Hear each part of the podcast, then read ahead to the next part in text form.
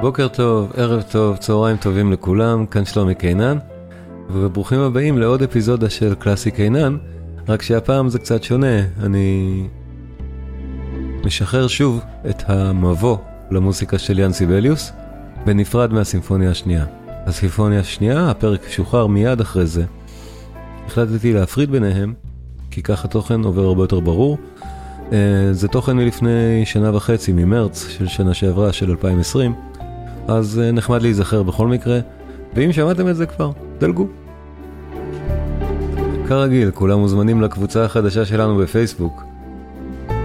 מוסיק עינן, קלאסיק עינן, הפודקאסטים, תכנים, וידאו, מה עוד מקליטים? המון דברים מעניינים קורים שם. יאללה בואו. מבוא למוזיקה של יאן סיבליוס ומעט ציונות על הדרך. ערב טוב, בוקר טוב, צהריים טובים. ברוכים הבאים או השבים לקלאסי קינן. הסכת המוזיקה הקלאסית שלי, של שלומי קינן. אה, אני אגיד בצד, המילה הסכת, אה, מסתבר, כך אומרים פודקאסט. האם זה יתפוס? כמו שהמילה קלטת תפסה, כשהייתה קסטה לפניה הייתי בטוח שאין סיכוי. אז אולי, הסכת. כן, הסכת בעברית. כי עברית שפה מחודשת. אנחנו כישראלים מודעים אקוטית להיותה של העברית מחודשת. אנחנו פשוט מתעלמים מזה כבר, כי התרגלנו. וזה מאפשר לנו להזדהות במידה רבה, או לחוש אמפתיה, לסיפור הקמתה של מדינה צעירה נוספת. גם היא קטנה, גם היא זכתה לעצמאות מאוחר, רק ב-1920. וגם שם החיו שפה עתיקה יחסית, והפכו אותה למדוברת.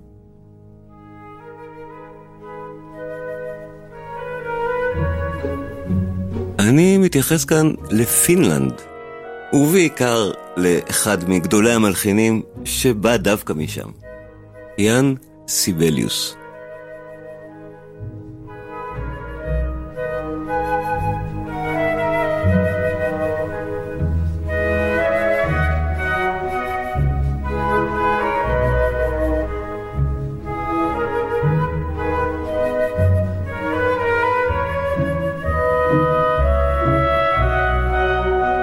ברקע, הפרק השני מתוך הסימפוניה השלישית של סיבליוס, 1907. זו גם השנה בה נערכה אחת מהפגישות המפורסמות, או לפחות המצוטטות ביותר בתולדות המוזיקה. הפגישה בהלסינקי בין סיבליוס לבין גוסטוב מאלר. אף אחד משניהם לא ידע את זה ב-1907, אבל במבט לאחור, שני מלחיני הסימפוניות הגדולים ביותר של תקופתם בלי ספק, יושבים ושותים קפה בהלסינקי. אז כן, אני יודע שקר שם, אבל מה לא הייתי נותן להיות זבוב על הקיר בפגישה הזו ביניהם?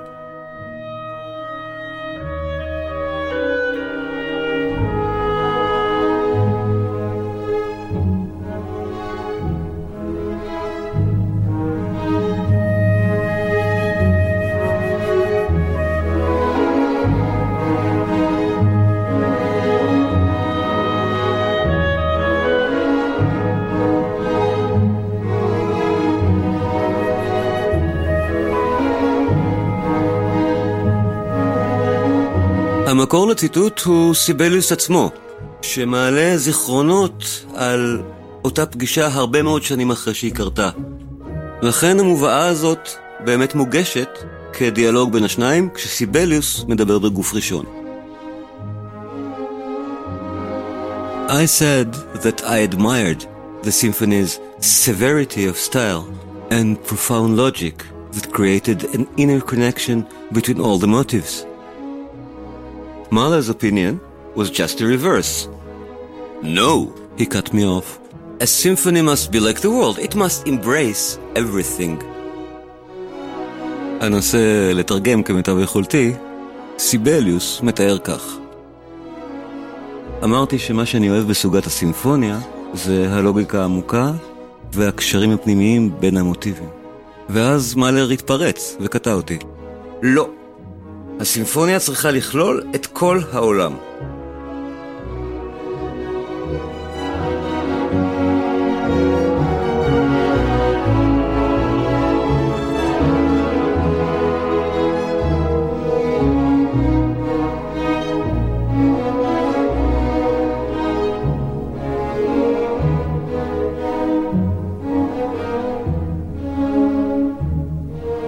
ועכשיו לא אפריע למוזיקה בדיבור. בואו ניתן לקטע היפהפה הזה להיגמר, ונמשיך.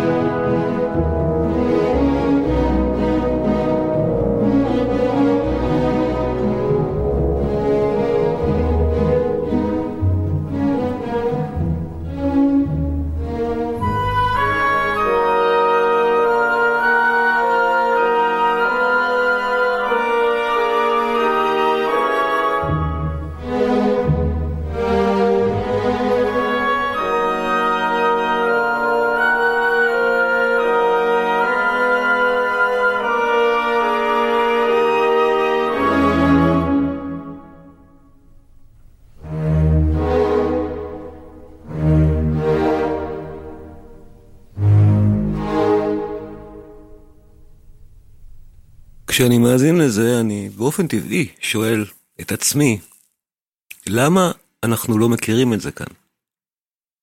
באמת משונה. מה הסיפור שלנו עם סיבליוס? למה הוא לא מבוצע בארץ כמעט?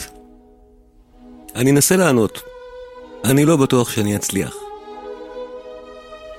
בינתיים, הקנזונטה, אופוס 62A, מתוך המוזיקה למחזה, קוולמה? האמת, אין לי מושג אם מבטאים את זה ככה. זה מאוית K-U-O-L-E-M-A. קוולמה? אפינית, שפה מחודשת. בצלילה היא לא דומה לשום דבר אחר, בטח לא מאירופה. אז רק פיני, או אלוהים, יודע איך לבטא את המילים כשהוא מועטות כך. ואני לא יכול להתחמק מהמחשבה שהעברית היא מקרה דומה, ומעניין איך העברית מצלצלת למאזין מבחוץ.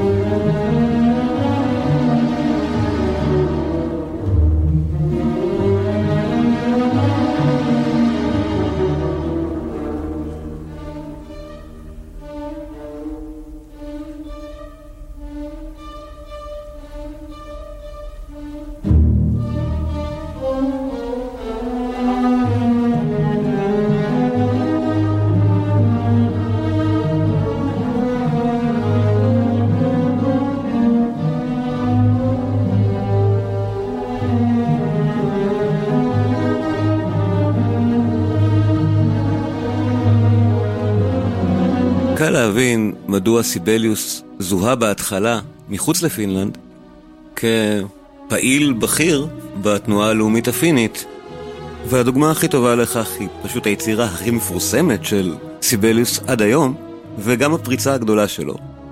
הפואמה הסימפונית מ-1899, שבזמן פרסומה נקראה פינלנד המתעוררת, עד כדי כך. היום היא פשוט נקראת פינלנדיה, אבל קשה מאוד לצאת יותר פטריוטי מזה.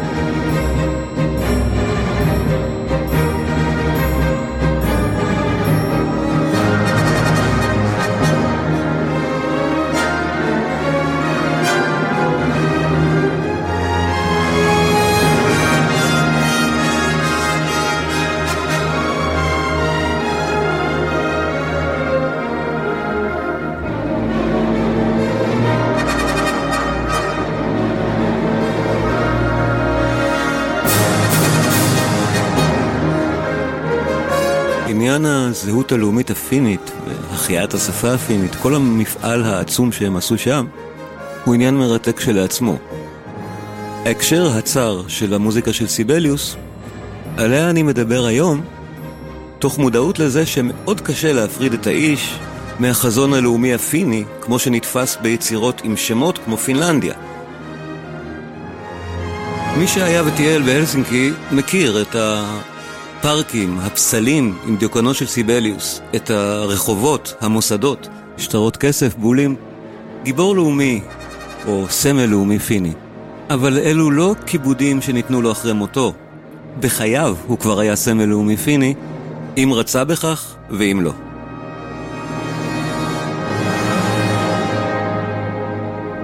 ולכן, ברשותכם, חשוב יהיה לדבר מעט על סיבליוס בפינלנד של המאה ה-19.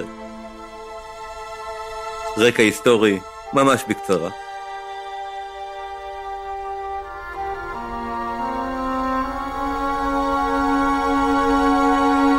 יאן סיבליוס נולד ב-1865 במחוז האוטונומי תחת שלטון רוסי שנקרא הדוכסות הגדולה של פינלנד.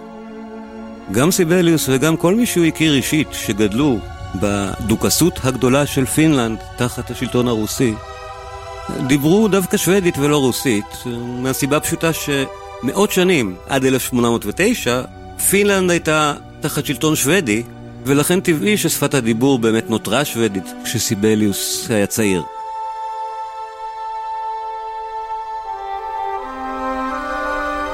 השפה הפינית לא הייתה מדוברת מאות שנים. לפחות בקרב הרוב המכריע של תושבי פינלנד. והסיבות להבאתה מחדש או להחייאתה מאוד מזכירות את הסיבות להחייאת השפה העברית. כשרוצים כנראה להחיות זהות לאומית, שפה היא הכלי החזק ביותר שיש על מנת לעשות את זה, שם כמו כאן. אז למרות שיאן סיבליוס הצעיר גדל ודיבר בבית שוודית, ושוודית היא שפת אמו, הוא קיבל על עצמו, כמו רבים אחרים, ללמוד את השפה הפינית, והשתדל מאוד לדבר אך ורק פינית, ואני חושב על ביאליק, על צ'רניחובסקי. הם גדלו ברוסיה, ושפת אמם רוסית. הם למדו עברית, והקפידו לכתוב שירה בעברית, כי זאת הייתה שליחות, זה החשוב. חבל שלא ביאליק ולא צ'רניחובסקי לא זכו לראות את הצהרת העצמאות. הם נפטרו לפני כן. סיבליוס, למזלו, זכה לראות את הכרזת העצמאות הפינית, וחי הרבה שנים אחר כך. נגיע לזה.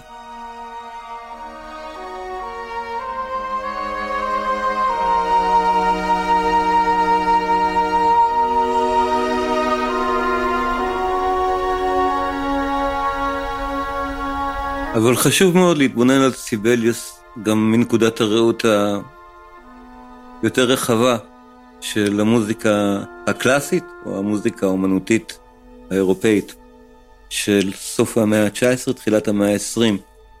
תקופה שנקראת בדרך כלל פוסט-רומנטית, אבל היא קשה להגדרה. 1860 זו שנת הולדתו של גוסטב מאלר. 1862 שנת הולדתו של קלוד דיבישי. 1865 יאן סיבליוס. שבע שנים אחריו מוריס רבל. מטבע הדברים, שנות הפריצה של דור המלחינים הזה הן שנות התשעים של המאה ה-19, מ-1890 בערך ועד מלחמת העולם הראשונה ב-1917.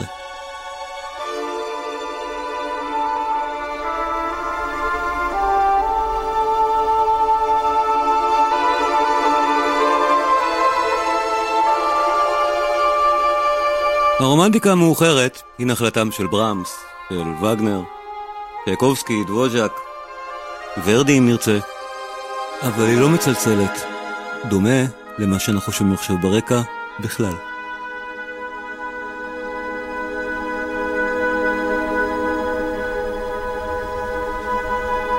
המוזיקה המאוד אווירתית, ש... מתנגנת ברקע, היא הפואמה הסימפונית שנקראת הברבור מטואנלה. שוב, אני לא יודע פינית. ולמרות שזו יצירה מאוד מוקדמת, אה, מ-1895, המצלול שלה הוא כבר בכלל לא של הרומנטיקה. זה כבר משהו אחר. ומובן זו אחת מיצירות המופת הגדולות של סיבליוס. אז בואו נאזין. כמה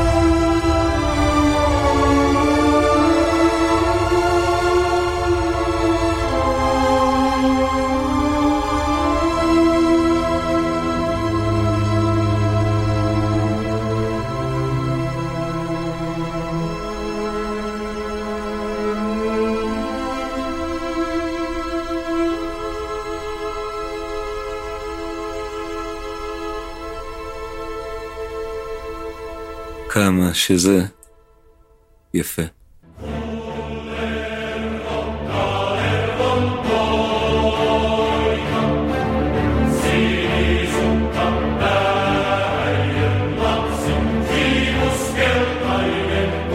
ומה שאנחנו שומעים עכשיו ברקע הוא סימפוניית קולרבו המאוד מוקדמת של סיבליוס גנז. הוא כתב אותה לפני הסימפוניה הראשונה אפילו, וזה מין פואמה סימפונית בת חמישה פרקים, אופוס שבע שלו, אבל שימו לב לשירה בפינית, עם הריתמוס המאוד מאוד מעניין. זה מהכלב עלה וכתוב לפי רונות, שאני בעצמי אפילו לא יודע מה הן אומרות בדיוק. אבל קצבן הוא ספציפי ולכן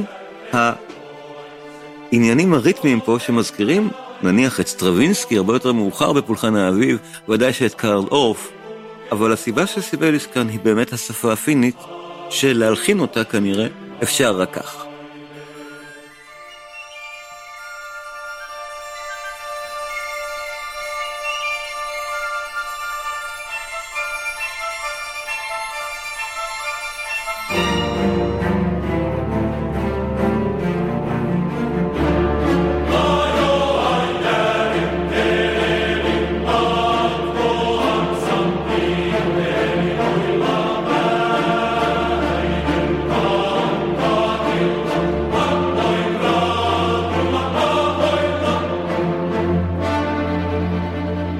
מה שאנחנו שומעים ברקע זה הפרק השלישי של סימפוניית קולרבו, אה, אבל כמו שאמרתי קודם, זה משהו בין סימפוניה לפואמה סימפונית וסיבליוס באותו מוזיקאי רציני כבר מההתחלה ידע את זה.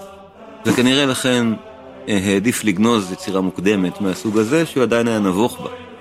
בדיעבד, קולרבו נהדרת והיום מבוצעת די הרבה יחסית ליצירה גנוזה של המלחין, אבל בואו נזכור ששבע הסימפוניות הקנוניות של סיבליוס אינן כוללות את סימפוניית קולרבו.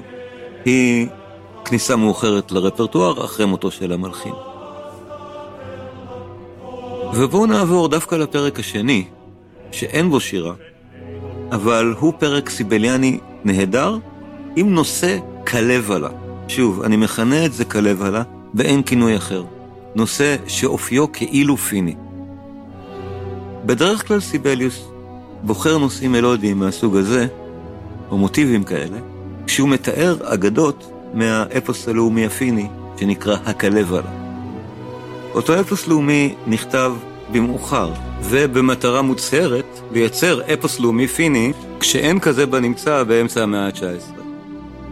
במובן הזה, זה אפוס מודרני, כאילו עתיק. הוא מבוסס אמנם כנראה על אגדות עם עתיקות, אבל הוא למעשה נכתב והודפס, וראה אור רק במאה ה-19.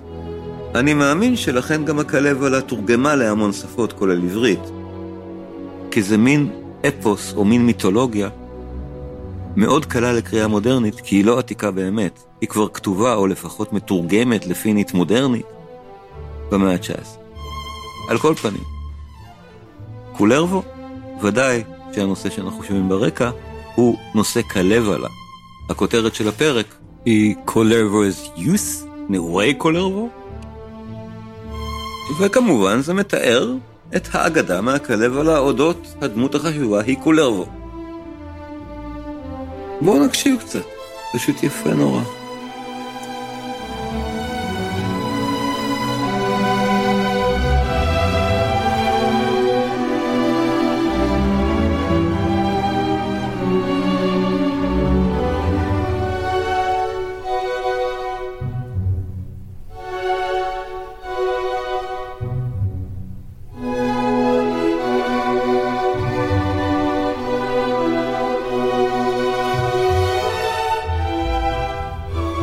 הערתי משהו לגבי הספירה המאוד משונה של הרונות הפיניות בפרק של קולרבו ששמענו לפני כן. עניין המורכבות בכתיבה הריתמית, בקומפוזיציה הריתמית של סיבליוס הוא עניין חיוני, ותכף כשנגיע לסימפוניה השנייה הוא יהיה אפילו, מבחינתי, בפרונט. הוא חשוב מאוד להבנת היצירה. אבל הוא בולט מההתחלה. אנחנו באמת נוטים לחשוב שניסיונות ריתמיים מהסוג הזה התחילו אצל סטרווינסקי, ואנחנו בדרך כלל גם מציבים את פולחן האביב כנקודה בה זה קרה. אבל זה לא מדויק. הסיבות של סיבליוס היו שונות לגמרי.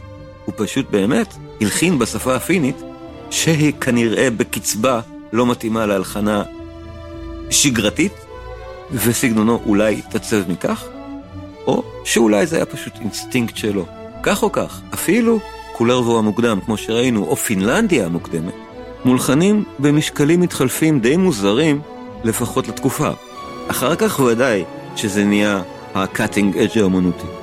אבל בינתיים, בסוף המאה ה-19, הדברים האלה מאוד חריגים, וכנראה צלצלו כפולקלור פיני למי שהאזין להם בשאר אירופה. לכן בואו נחזור שנייה לחלק שמתאר את תנועת הרכבת בפינלנדיה, ואני אספור על זה, אני תופף על זה משקל. אנחנו כאן בארבעה רבעים, אבל 1, 2, 3, 4, 5, 1, 2, 3, 4, 5. ושוב 4. מתאים, הולם, ותמיד מעורר ויכוח. הקטע הרי לא כתוב עם חילופי משקלים במיטר שלו על התווים. זה עוד לא היה מקובל כנראה בתקופה.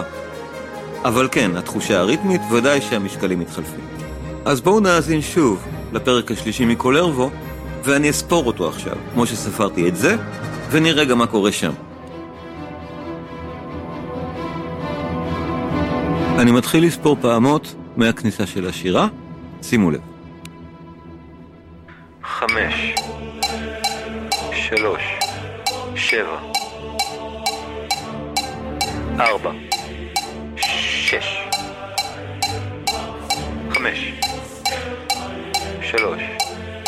שבע, שש,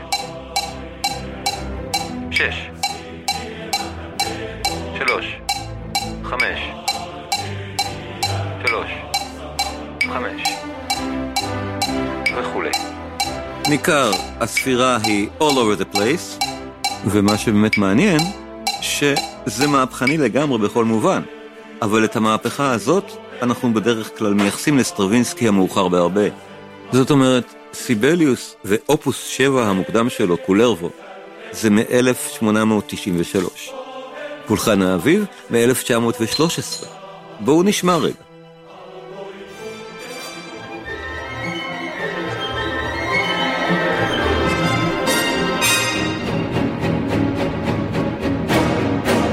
נראה לי שאין באמת צורך שאני אתופף על זה בשביל שנבין את הפרינציפ, ומדוע אני טוען שזה דומה. הנקודה המעניינת שאצל סיבליוס זה לא מופגן בכלל. זה מתחבא מאחורי משהו שנשמע נעים. אצל סטרווינסקי זה בכוונה בשביל shock value. ודאי שפולחן האביב היא יצירה שאמורה הייתה לגרום להלם אצל קהל המאזינים. זה באמת מה שקרה, ולכן המשחקים של הקצב או הפעמה המודגשת שמתחלפת כל הזמן מאוד מודגשים כאן כמשהו חדש אומנותי. אבל למעשה זה לא כל כך חדש, מה שחדש פה זה, זה שזה בפרונט, זה שזה עיקר העניין. אנחנו כבר שומעים את זה אצל סיבליוס המוקדם מאוד, באופן מאוד דומה, אך לא מודגש כלל. מעכשיו נקרא לדברים האלה פולירית'ם, זה אמנם לא מדויק, אבל כהכללה זה נכון לגבי מה שסיבליוס עושה בסימפוניות שלו, בעיקר בשנייה שתכף נדבר עליה, וודאי שבאלה שבאות אחריה. אבל, לפני זה, משעשע ואנקדוטי, קטע מהפואמה הסימפונית הבאמת נפלאה שנקראת בת פוכיולה. ותודה רבה לאורי מרקוס על העזרה בלדעת איך לבטא את זה בכלל. באנגלית זה כתוב פהג'ולה's daughter, או משהו שבאמת לך תדע איך לבטא אותו.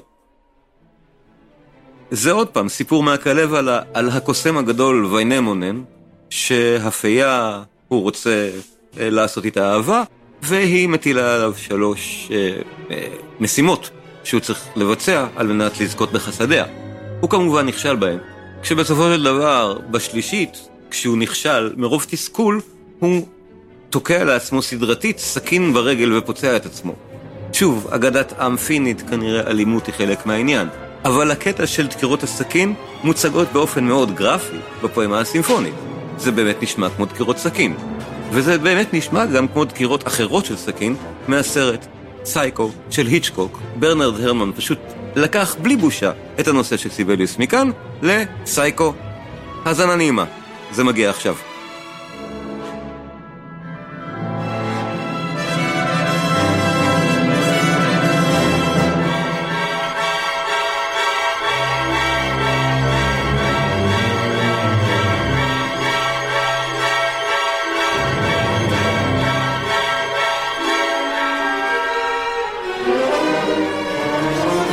מקסים. על הדרך סיבליוס, לא רק בגלל זה, הוא אחד מהמשפיעים הגדולים על המוזיקה הקולנועית העולמית. לצידו של וגנר, מאלר, שוסטקוביץ'. סיבליוס הוא מעד, בטח שהוא מאוד מאוד חיוני בהשפעה על המוזיקה של התרבות הפופולרית של היום.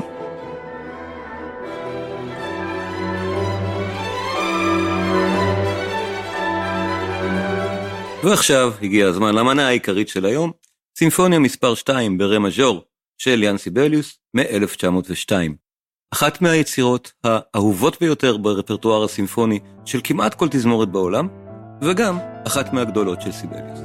השנייה, החמישית ולדעתי גם השביעית הן בטופ הסימפוני העולמי, בוודאי ששלוש הסימפוניות הגדולות שלו. האחרות